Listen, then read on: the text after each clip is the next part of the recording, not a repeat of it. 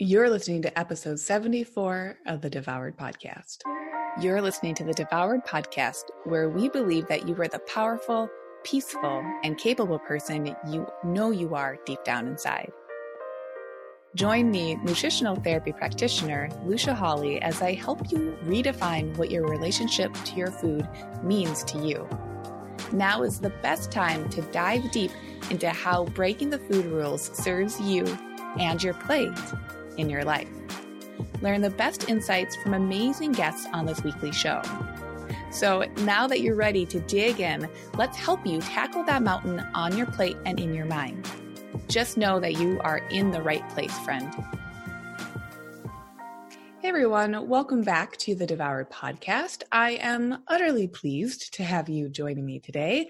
We are talking about whether you're on the wagon or you're off the wagon. And specifically today, when we're having this on the wagon, off the wagon chat, we're talking about how this concept functions for us over the holidays. If you're listening to this episode on the day that it has aired, then you're listening to it a week after Thanksgiving 2019. So I wanted to make sure that I focused a handful of episodes this holiday season specifically around subjects that you would find helpful during the holidays. Why? Because time and time again, ever since I've begun seeing clients in my nutrition practice, and even before that, but what really solidified it for me was when I began to see clients, I noticed that there were these cultural themes around our relationship with food one of the big themes is that our relationship to food is really difficult and that it's hard to understand, it's hard to figure out, and that especially when we come to the holiday season, we don't know what to do with our food, with our health, with our wellness, right? I'm a person, I work in visuals. I'm a very visual person. I, I think in visuals. So, whenever I have had this sentiment or I've noticed this feeling come up again and again and again every year, to me, what I visualize in my head is that we're kind of running around like chickens with our heads cut off. And we we just run around through all of December, through part of November, truthfully. So for six weeks at least, even longer if you're starting with Halloween, but for at least six weeks until we get to the new year. And we have one last hurrah. And then we find ourselves, it's like we're running around with our heads cut off. And then we fall over, we open our eyes, come the new year, we blink them awake, and then we look back at the last six weeks and we think, WTF, what just happened to me, right? There's this total time warp effect. And that's a visual that I see. And here's the thing with that visual yes, that can be happening quite a bit. If I were to negate that, I would negate other people's lived experiences, which is not liberating. but here's the kicker I think if we can start to recognize that feeling harried, feeling stressed out, feeling overwhelmed by the holidays is actually a big cultural story, then I think we're able to dig much more deeply and actually take a huge sigh of relief when it comes to how we would like to show up during the holidays. Because the holidays do not have to be this overwhelming, stressful time. And it doesn't negate that there can be busier schedules, that there could be more encounters with more processed foods, and that that might then influence other stories for you in your life. It doesn't have to negate the fact that, of course, things change around the holidays. Our lives, we we don't function in the black and white. We function in the gray area. So instead of throwing the baby out with the bathwater, right, and swinging the pendulum from one extreme of being like, "Oh my gosh, I'm so freaked out," Like, I'm overwhelmed. The holidays again. Instead of swinging from that to the other side, where you're sitting on the ground, completely blissed out, full of Zen or whatever else, just bypassing the stress of the holiday and maybe not actually fully engaging with the holiday. I truly believe that we have a middle ground and a gray area, and all we need to do in order to be and embody that gray area is to simply start to talk about it. because what we talk about is what we start to pay attention to. And where our attention is is where our focus is. And what we're focused on is what creates our lives okay? So on today's episode we're talking about whether you're on the wagon or you're off the wagon. So what exactly is up with these so-called wagons right? Let me reframe and come back to do do do do choice okay?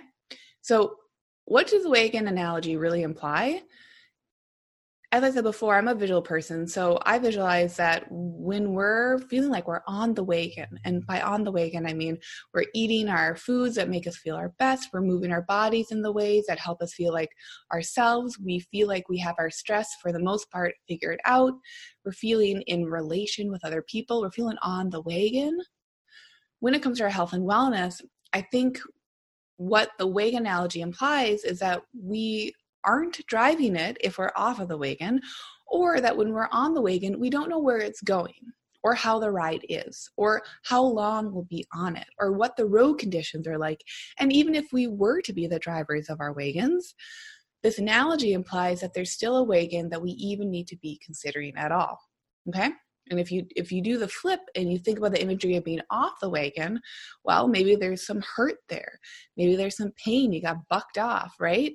For visual people like us, the tricky thing about descriptive language is that we begin to feel that language as it paints a picture in our minds.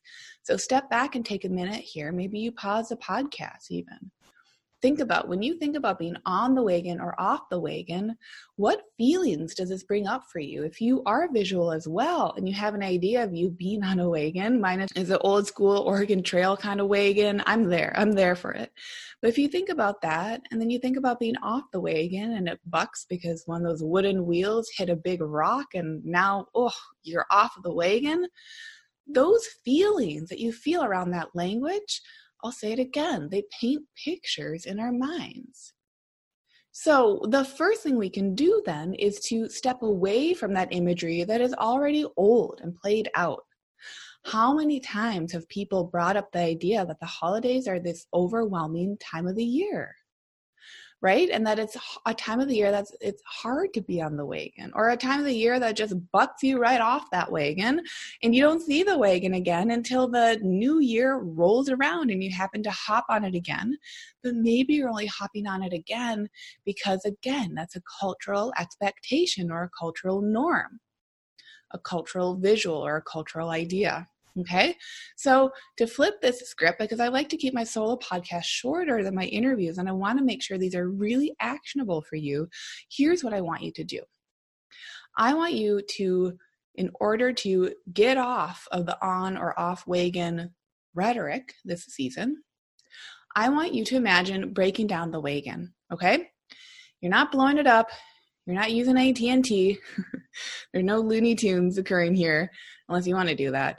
You're breaking down that wagon and not into smithereens, but into its component pieces, right? The different planks of wood, you're breaking down the, the wheels. You're taking care of this wagon, but you're taking care of it while you're breaking it down into those pieces. So now that you have those, you have a great way to assess which pieces of the wagon are the tools that will help you on your journey. And what we're doing here is that we're changing the visual and we're changing ourselves from being a less than active participant in this story and this story visual, and we're changing it into you being a creator and an engaged creator in your visual story. And the difference here is that this was your choice to be the creator. Let me repeat that. This reframe on being on the wagon or off the wagon is all about choice. And we reinstate that choice by shifting the visual from us being passive participants on the wagon, off the wagon, throwing on the wagon, crawling back onto the wagon.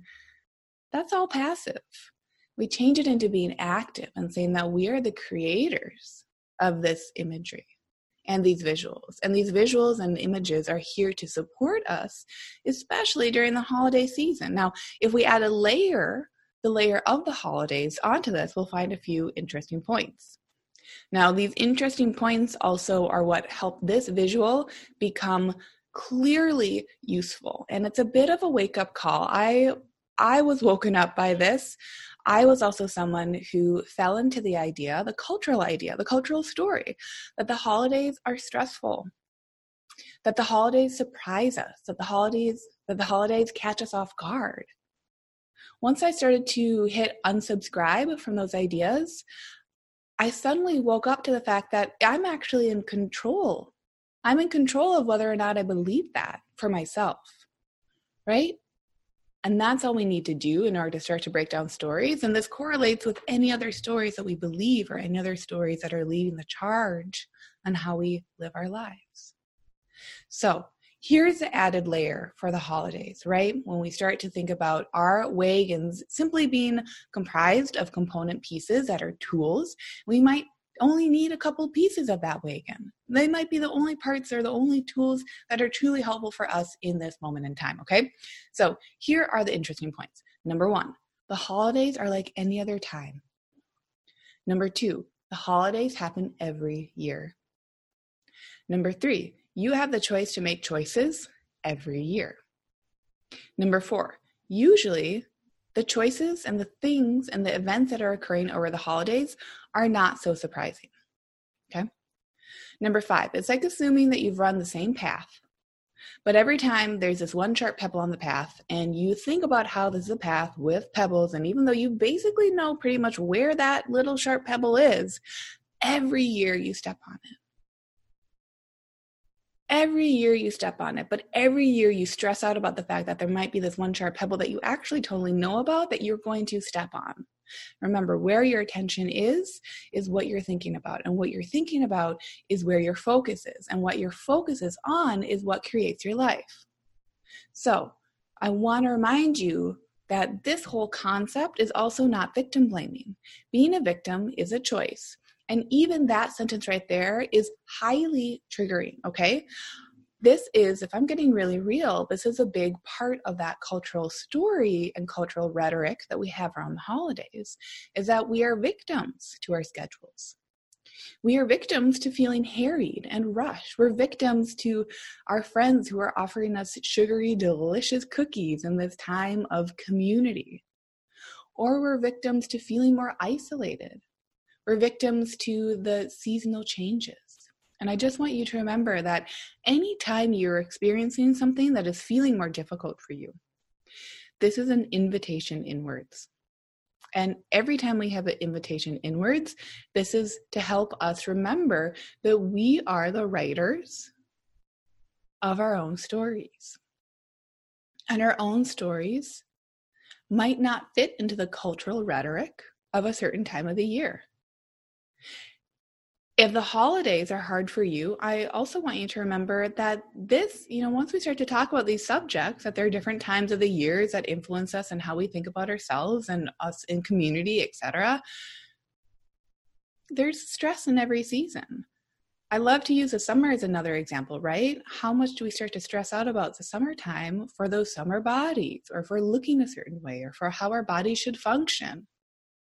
And then we get through the summer and we're like, oh, phew, got through the summer, only to find ourselves stressed out about the school season. Even if you're not even connected to someone who's going to school right now, a lot of us come back into the cultural story and programming that, ah, the fall is a time to come back into place, to get back into routine. The summer was wild, very stressful, and now I can fix that stress by reasserting my scheduling with the fall.